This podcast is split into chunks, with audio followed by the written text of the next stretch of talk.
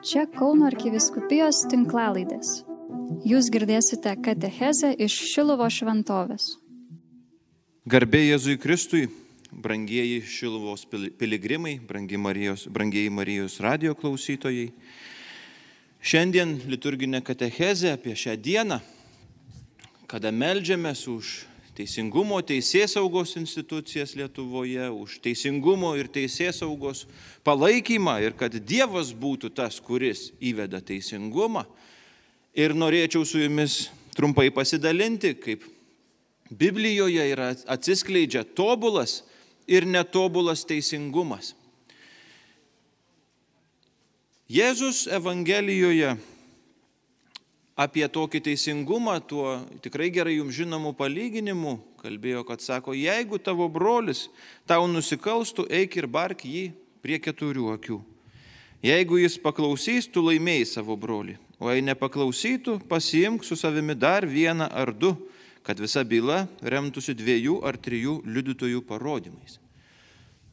Šitame Jėzaus pasakyme atsiskleidžia būtent dvi teismo sampratos, kurios labai būdingos Senajam testamentui. Vienas tobulas teisingumas, kitas netobulas. Hebrajiškai jie netgi turi pavadinimus Riv ir Mišpat. Tai pradžioje pradėsime nuo netobulo teisingumo ir kodėl jis yra netobulas. Tai, ką Jėzus sako, kad jeigu tavęs brolius nepaklauso, kvieskis kitą, kad būtų dar trečias asmuo kažkokioje byloje. Šitas teisingumas Biblijos akimis yra netobulas dėl labai logiškos priežasties, nes šitam, šitoj teisingumo sampratoj nukentėjęs ne vienas, o du nukentėjusieji. Jeigu man kažkas prasikalto ir aš nesugebu rasti teisybę su savo broliu, tai aš kviečiuosi trečią asmenį. Šiandieniai kultūrai tai jau yra institucija kokia nors, kokia nors teisės saugos institucija, kuri man pasakius situaciją ir man davus tarsi leidimą toj situacijai baudžia brolį arba sesę, baudžia, baudžia tą asmenį, kuris nusikalto man. Tai nubausti arba nuskriausti kiek žmonių? Du jau šitoj situacijai. Abu du nukenčia vienaip ar kitaip. Galim sakyti, kad tai yra teisingumo įvykdymas, bet teisingumas akis už akį mesgi žinome, kad yra netobulas teisingumas. Netaip Jėzus mokė. Na vad ir yra kita, kita teisingumo samprata, kurią Jėzus sako, bandyk laimėti savo brolį, kad nereiktų trečio asmens arba institucijos. Kaip atrodo šitas teisingumas? Dar kitaip hebrajiškai, riv teisingumas. Teismas, kuris vyksta tarp dviejų asmenų. Tai yra tobulas teisingumas, nes jis veda į santyki, kur tas, kuris yra nuskriaustas, stojasi skriaudėjo akivaizdu ir sako, broli, sesė, tu man padarėjai skriaudą. Labai norėčiau, kad tu tai suprastum ir dėl to atgailautum kažkaip tai. Noriu ir toks jau stojimasis brolio akivaizdoje, jis jau yra kvietimas į santyki. Nu, tu man brangus, noriu su tavim išlaikyti santyki. Nenubausti tave, ne dar kažkaip tai. Noriu teisingumo, kuriame mes išliksim broliais, išliksim draugais, kuriame mes išlaikysime santyki. Ir tai yra tobulas teisingumas. Ir Biblijoje ryškiausiai tai padaro pats Jėzus. Jėzus, kuris stojasi žmonijos akivaizdoje, kaip nuskriaustasis ir sako, brangusis, man skauda dėl to, kaip tu gyveni. Aš noriu, kad tu teisingai gyventum ir teisingai suprastum. Ir kaip mylimus vaikus, kaip mylimus mokinius, jisai kviečia į šitą teisingumą.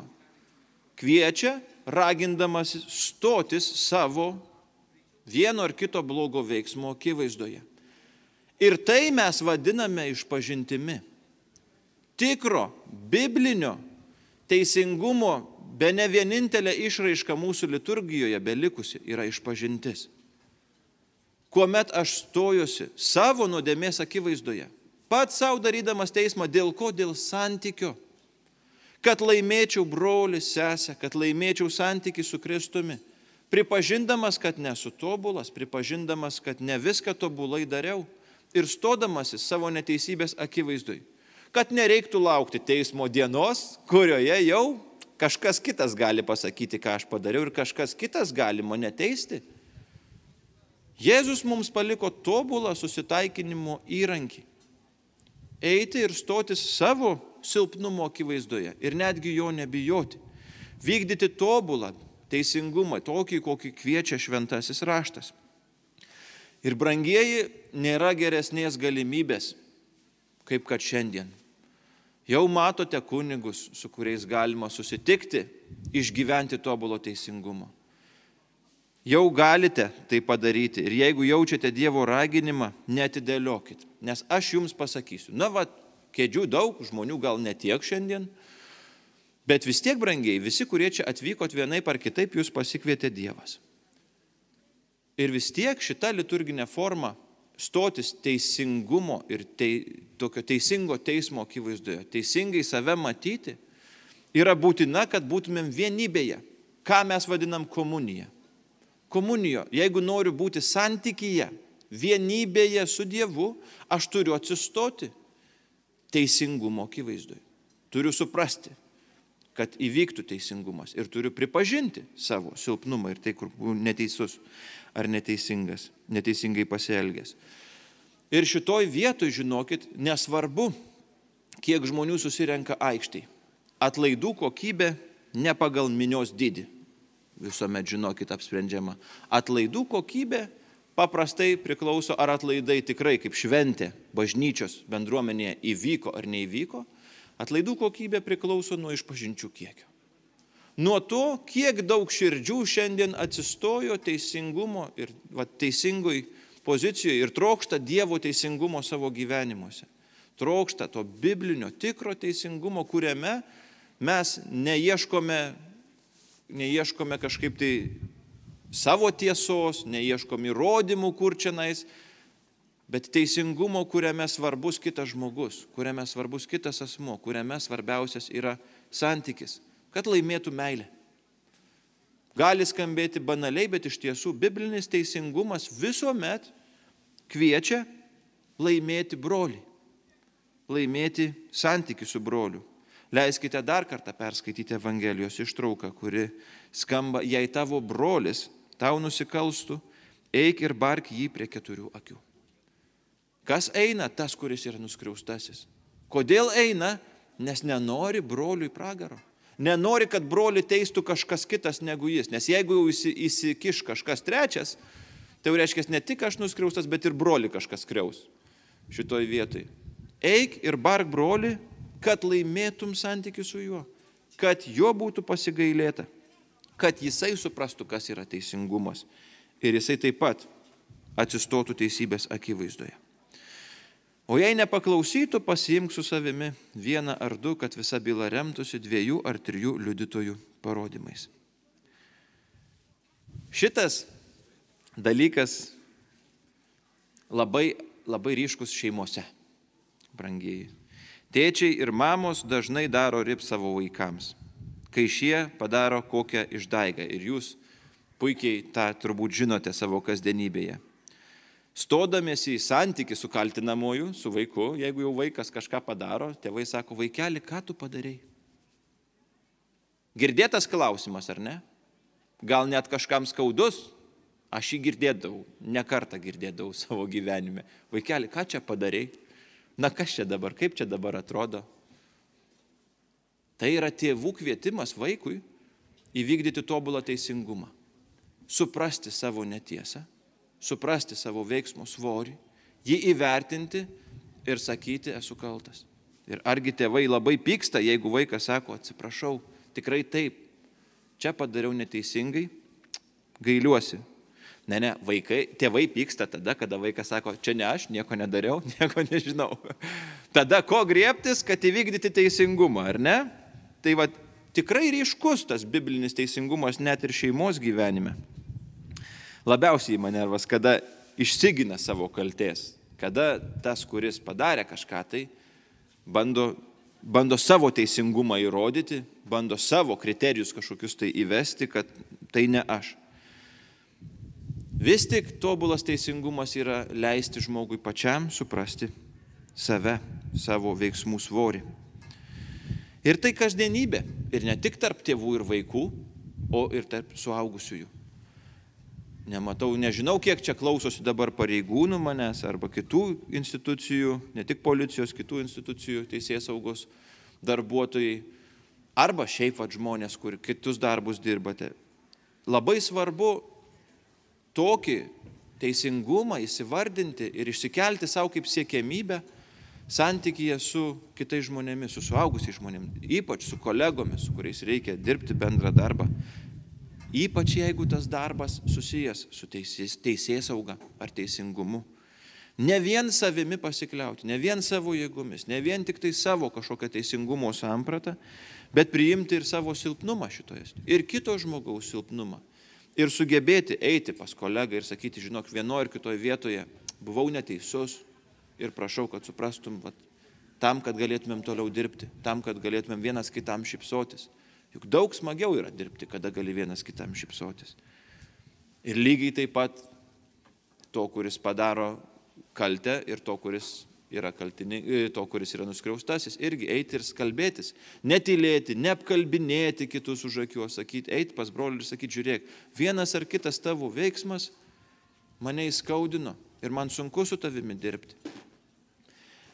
Tai yra, atrodo labai paprasta, labai logiška, akivaizdu, bet tai yra vienas iš sunkiausių ir sudėtingiausių žingsnių suaugusio žmogaus gyvenime. Eiti ir sakyti, aš silpnas, prašau atleisk man už vieną ar kitą veiksmą, ypač kai tie veiksmai yra konkretūs. Kai vieną ar kitą situaciją, vienoje ar kitoje situacijoje reikia pripažinti savo silpnumą.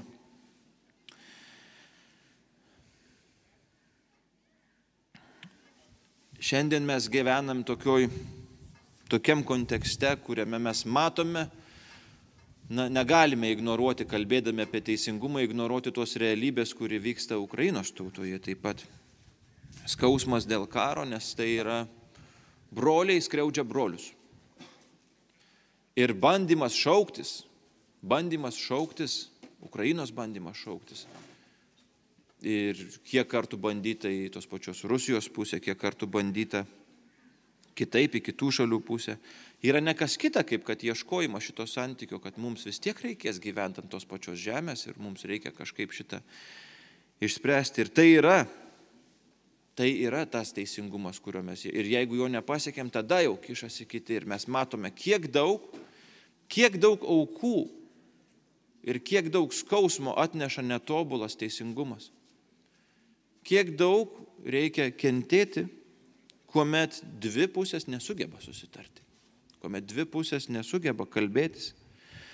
Ir kai neprabyla sąžinė to, kuris daro skriaudą, kai neprabyla ir neįsivardina, kad tai yra skausmas, kad tai yra mirtis ir kančia kitam broliui arba seseriai. Šitoj vietoj mes žinome, kad patys 30 metų po nepriklausomybės, po okupacijos Patys žinome, kad kiek dar daug žaizdų ir randų nešiojamės istorijoje. Jau karta pasikeitė, bet net kitos kartos nešiojasi savo senelių, prosenelių žaizdas ir mes žinom, kiek tokie dalykai kainuoja. Ir kad iš tiesų tas barnis, tas karas, ta nesantaika nesibaigia tada, kada nutyra, nutyla pabūklai. Kad baigęs tada, kada brolis brolį apkabint sugeba kiek dešimtmečių ar šimtmečių reikia vienam kartais vieno žmogaus veiksmų ištaisyti, kad brolius broliu apkabintų. Ir visa tai prasideda nuo ko mes nuėjom taip iš labai siauros šeimos, e, teisingumo šeimoje supratimo, iki nuo asmeninio teisingumo, iki teisingumo tarp geopolitinėje, žodžiu, srityje.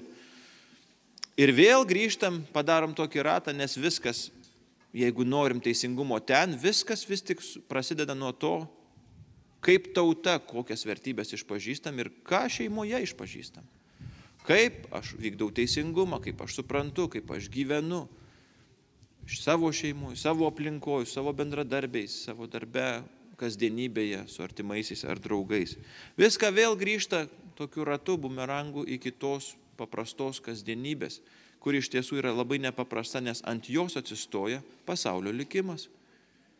ant to, kaip mes sugebame eiti ir atsiprašyti arba atleisti, kaip sugebame kalbėtis arba nesugebame kalbėti su savo broliu, nuo to galų gale priklauso, gali priklausyti labai daug žmonių likimai. Ir šioj vietoj vėlgi grįžkime prie šventosios liturgijos, kuri, prie sakramentų, kurie, per kuriuos mes gauname tokią malonę. Didžią malonę išgyventi šitą teisingumą visų pirma savo širdyje. Ir mokintis.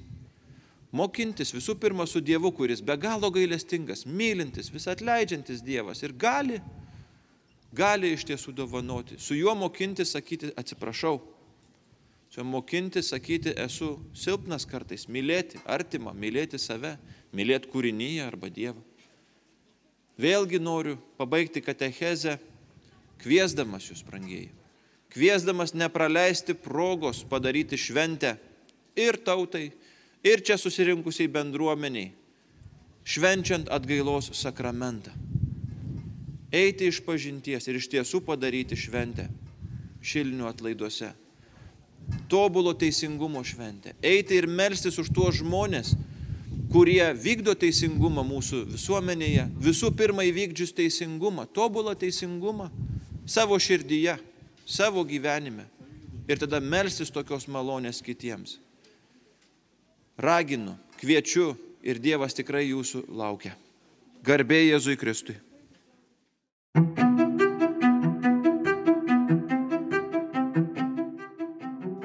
Jūs girdėjote katechezę iš Šilovo šventovės. Čia Kauno arkiviskupijos tinklalaidės. Sekite mus ir prenumeruokite.